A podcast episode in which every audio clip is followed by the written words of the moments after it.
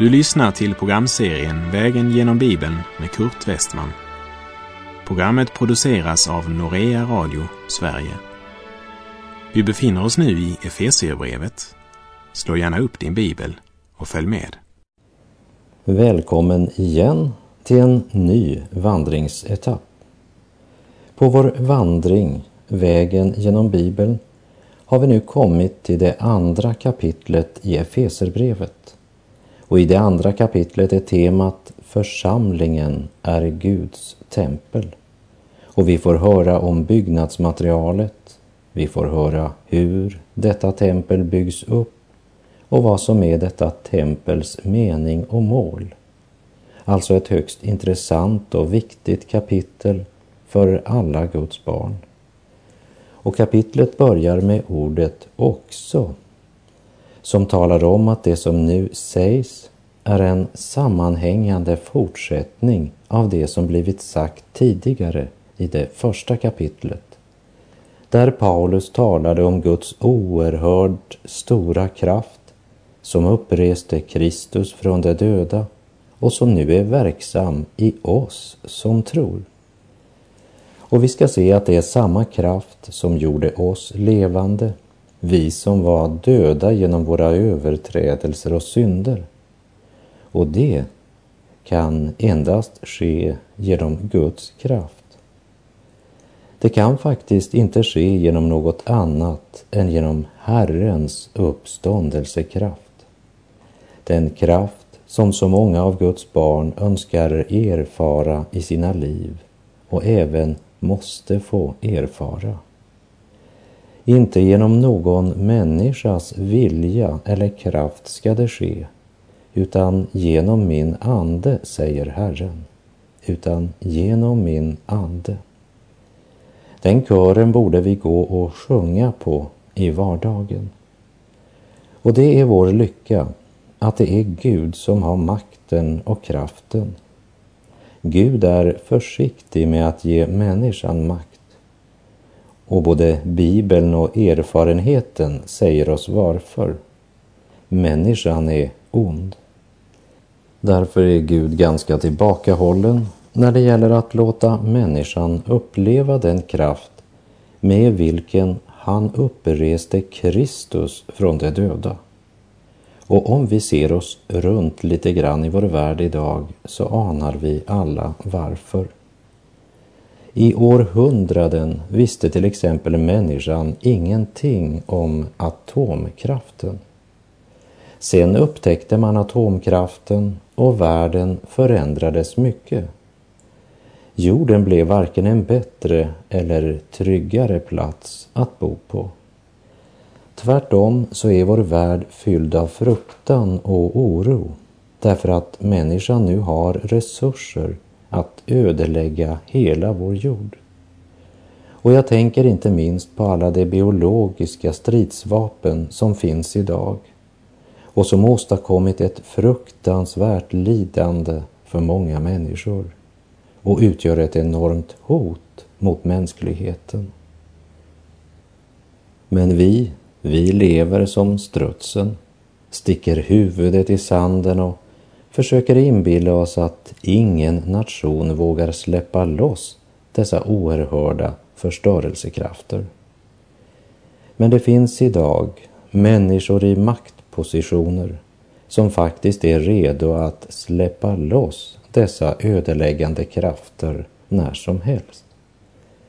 När människan förfogar över någon styrka är det farligt. Och det vet Gud.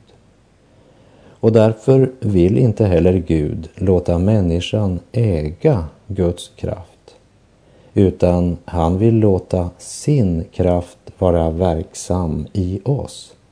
Men kraften är hans, inte vår.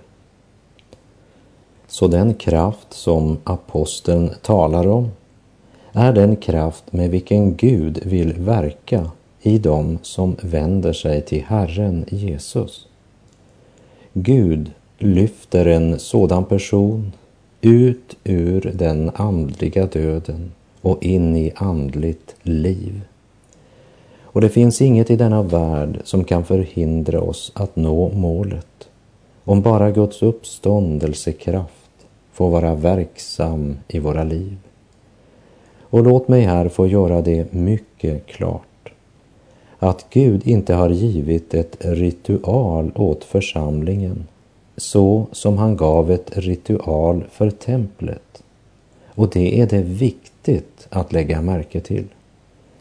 I Andra Korinthierbrevet 3, vers 17 och 18 står det Herren är anden och där Herrens ande är, där är frihet.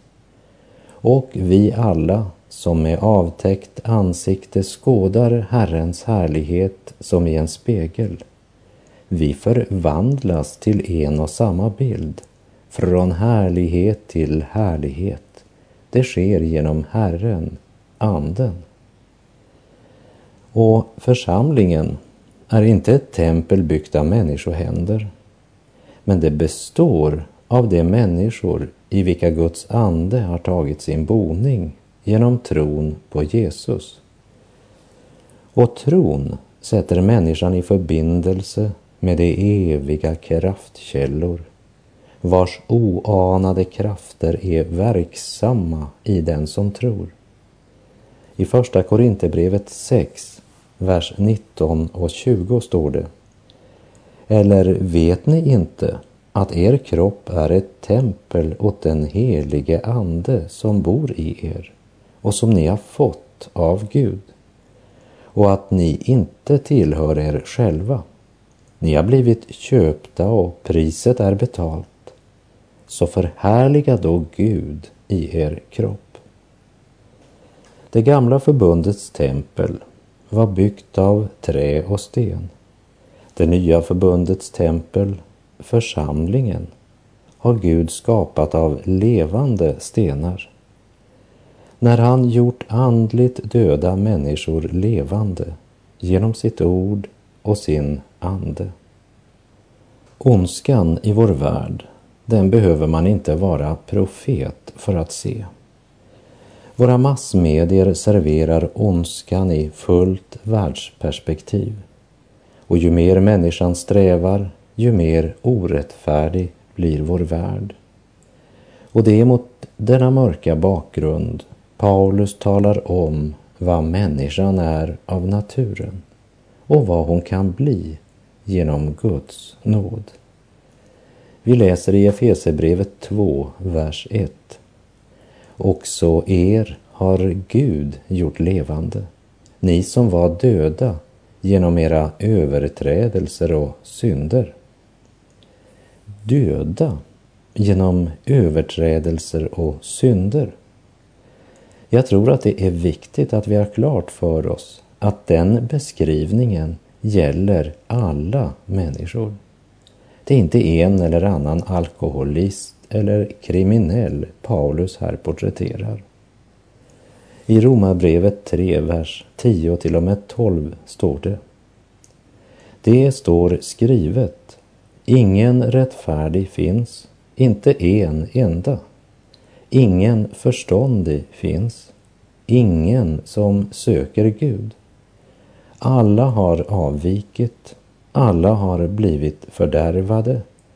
Ingen finns som gör det goda, inte en enda.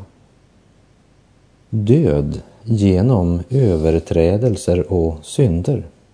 Det är Bibelns diagnos av den fallna människan. Och det är varje människas tillstånd utan Kristus. Och det kan vara svårt att förstå det för många människor eftersom man ser många som öppet förnekar Gud och Kristus men som ändå i högsta grad verkar levande. Men deras förstånd är förmörkat. De är främmande för livet i Gud och går mot död och grav utan Gud och utan hopp. Och innan Paulus nu närmare går in på sanningen om Guds levandegörande makt så påminner han dem om hur de hade det och hur de levde innan de kom till tro. Efesebrevet 2, vers 2. Tidigare levde ni i dem på den här världens vis och följde härskaren över luftens välde, den ande som nu är verksam i olydnadens söner. Liksom Guds ande är verksam i den troende, så är Satan verksam i den människa som lever utan Gud och verksam i all falsk religion. Och det är en av orsakerna till att många sekter och kulter är flitiga som myror. Ibland får jag frågan om jag är klar över att det faktiskt sker mirakler i många av dessa sekter. Och kanske gör det det. Men jag är också klar över att vi lever i en tid då många saker är högst överdrivna. Men eh, något av det är nog sant. Du kanske minns från vår vandring genom Andra Mosebok hur Herren genom Mose utförde flera mirakel. Men sedan gjorde de egyptiska spåmännen detsamma genom sina hemliga konster. Satan kan alltså kopiera en del av det under Herren gör. Men senare gjorde också Moses sådana mirakel som Satan inte kunde kopiera. Det är inte undret som ska vara det det fokuseras på. Men Gud och hans heliga vilja så som den uppenbaras i ordet. Och det är det viktigt att komma ihåg i en tid då människan ofta är mera upptagen av upplevelsen än av sanningen.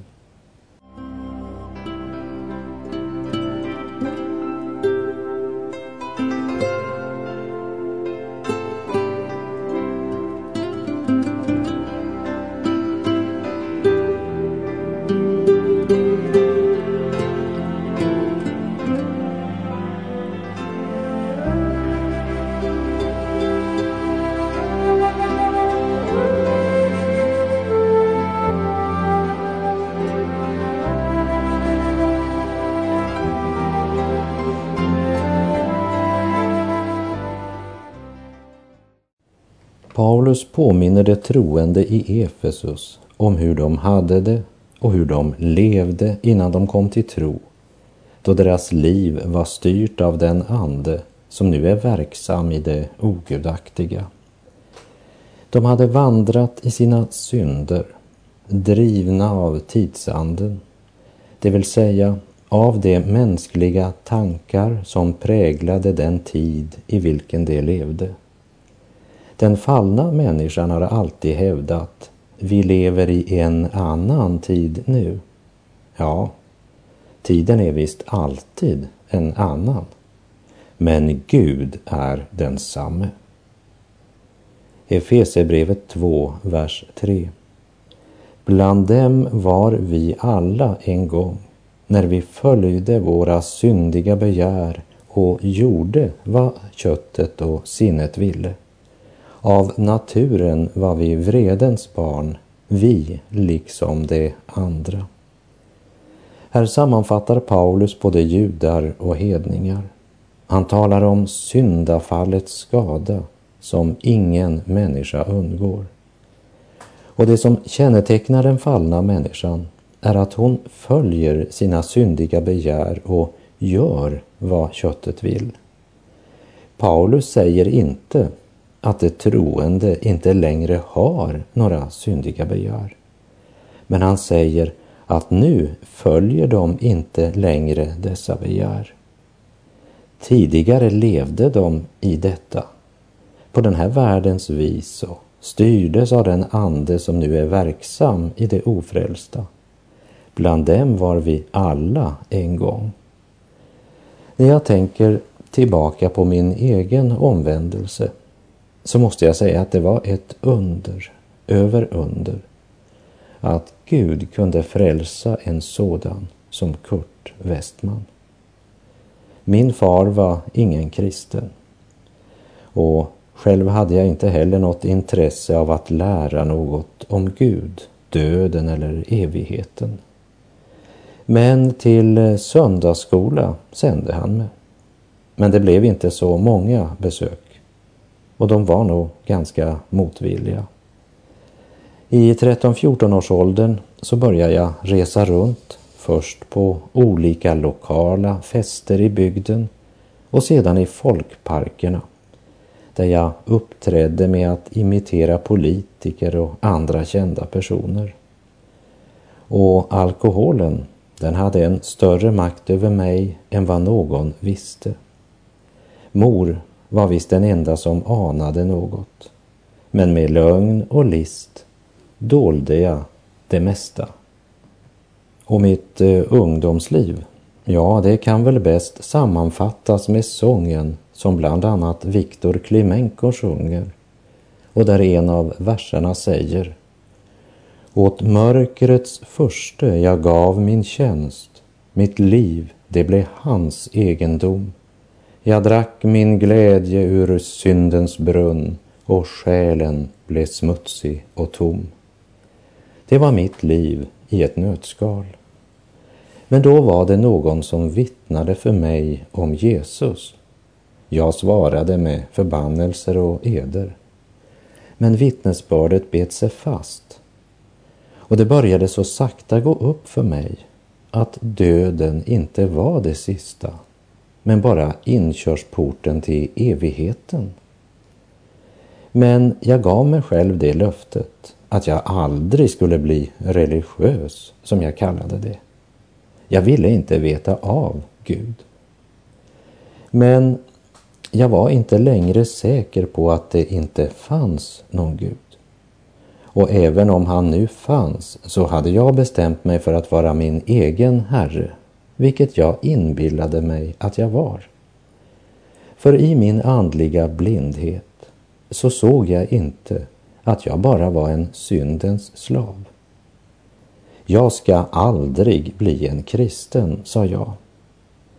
Men jag kunde inte bli kvitt den där stämman i mitt inre som sa Du kan gömma dig för Gud i hela ditt liv, men sedan då?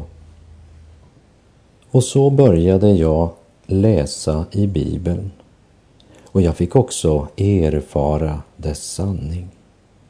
Guds ord vände upp och ner på hela mitt liv. Nu har det gått många, många år sedan dess och mitt mörka hår har blivit alldeles grått för att inte säga vitt.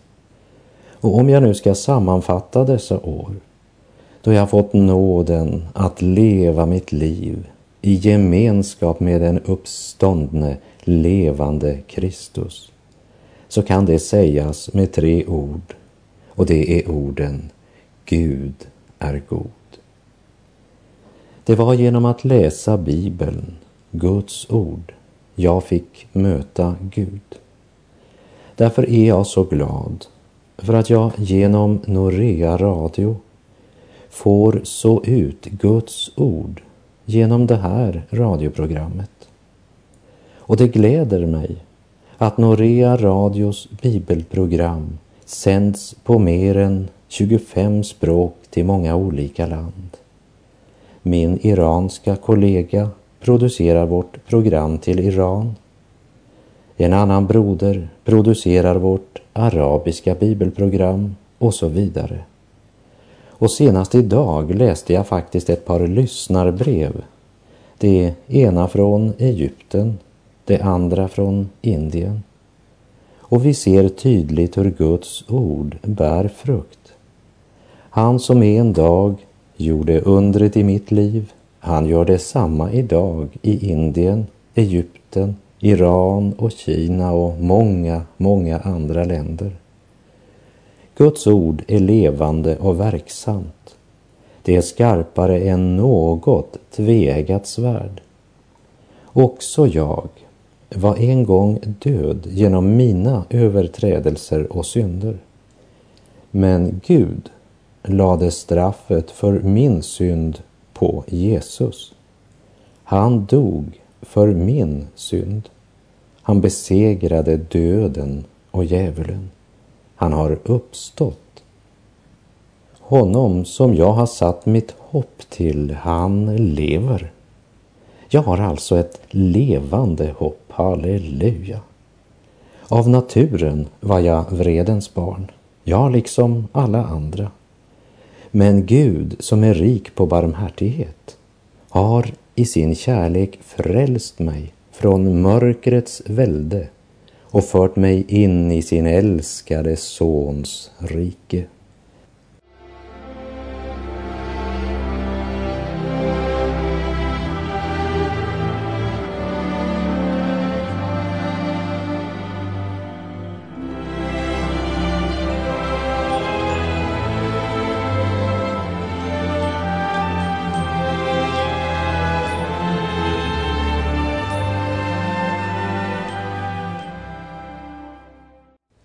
Vi läser i Efesierbrevet 2, vers 4 och 5. Men Gud som är rik på barmhärtighet har älskat oss med så stor kärlek. Också när vi ännu var döda genom våra överträdelser, att han har gjort oss levande tillsammans med Kristus. Av nåd är ni frälsta. Paulus har talat om att vi var alla döda genom våra synder och överträdelser. Vi var vredens barn. Det vill säga, vi stod under Guds vrede på grund av våra synder. Men lägg nu märke till hur vers 4 börjar med ett men. Men Gud som är rik på barmhärtighet Först möter vi den fallna människans hopplöst desperata situation. Därefter kommer detta gudomliga men. Men Gud, det är svaret på människans nöd. Vad är det då Gud har gjort? Och varför har han gjort det? Vad har Gud gjort? Han har frälst oss. För det första har han gjort oss levande med Kristus, vers 5. Och så fortsätter han i Efesebrevet 2.6. Ja, han har uppväckt oss med honom och satt oss med honom i den himmelska världen i Jesus Kristus. Paulus vittnar här att Gud inte bara har gjort Kristus levande och därefter satt honom på sin högra sida i himlen. Men han har gjort oss levande, uppväckt oss och satt oss med Kristus i himlen. Vi är alltså medborgare i ett rike som inte är av denna världen. Vi tillhör nu den himmelska världen och därför ska också vårt hjärta och våra tankar vara vända mot himlen. Kolosserbrevet 3 säger i de två första verserna då ni alltså har uppstått med Kristus, sök då det som är där ovan, där Kristus sitter på Guds högra sida. Tänk på det som är där ovan, inte på det som är på jorden. Och vi läser än en gång Efeserbrevet 2, vers 6. Ja, han har uppväckt oss med honom och satt oss med honom i den himmelska världen i Kristus Jesus. Och denna Guds folks förening med Kristus är en grundläggande tanke i det nya förbundet. Guds barn i det nya testamentet inte bara tillber och beundrar Jesus inte bara tror på den kristna församlingens dogmer och inte bara lever efter vissa moralnormer. Men de har i kraft av sin förening med Jesus verkligen fått del i hans uppståndelse, hans himmelsfärd och är satta med honom i den himmelska världen. Varför har Gud gjort detta? Jo, fortsätter Paulus i vers 7. för att i kommande tider visa sin överväldigande rika nåd genom godhet mot oss i Kristus Jesus.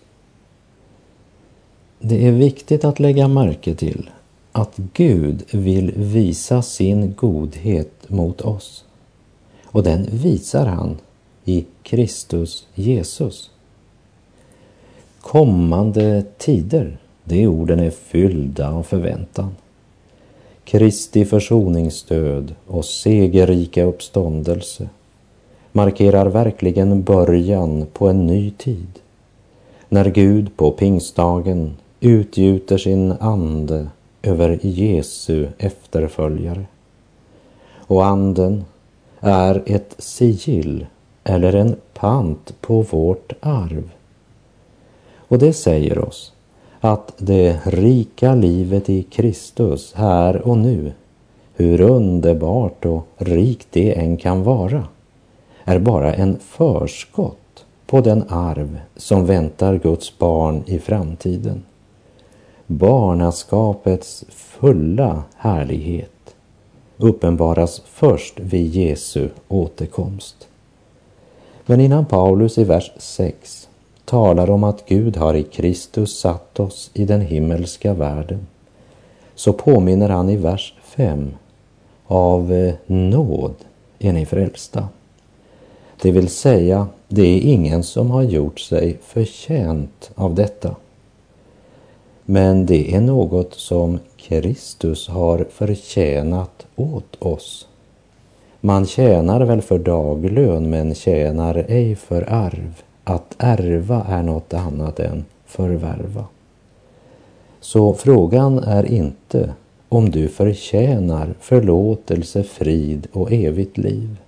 Men frågan är om du har behov av förlåtelse och frid med Gud. För har du det så finns det i Kristus.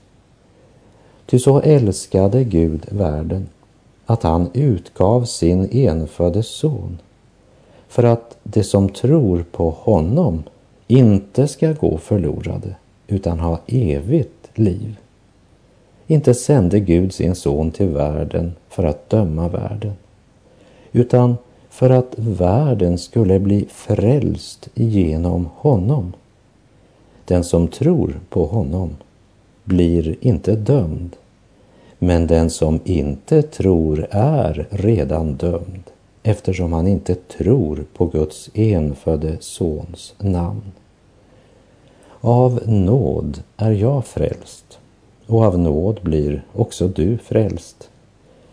Gud har i Kristus öppnat sin famn.